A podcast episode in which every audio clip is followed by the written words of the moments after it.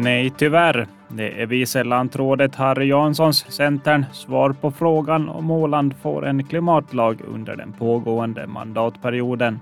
Lagberedningen hinner inte med och underlaget för lagen som Hållbart initiativs tidigare minister Alfons Röblom lämnade efter sig var inte tillräckligt, motiverar Harry Jansson.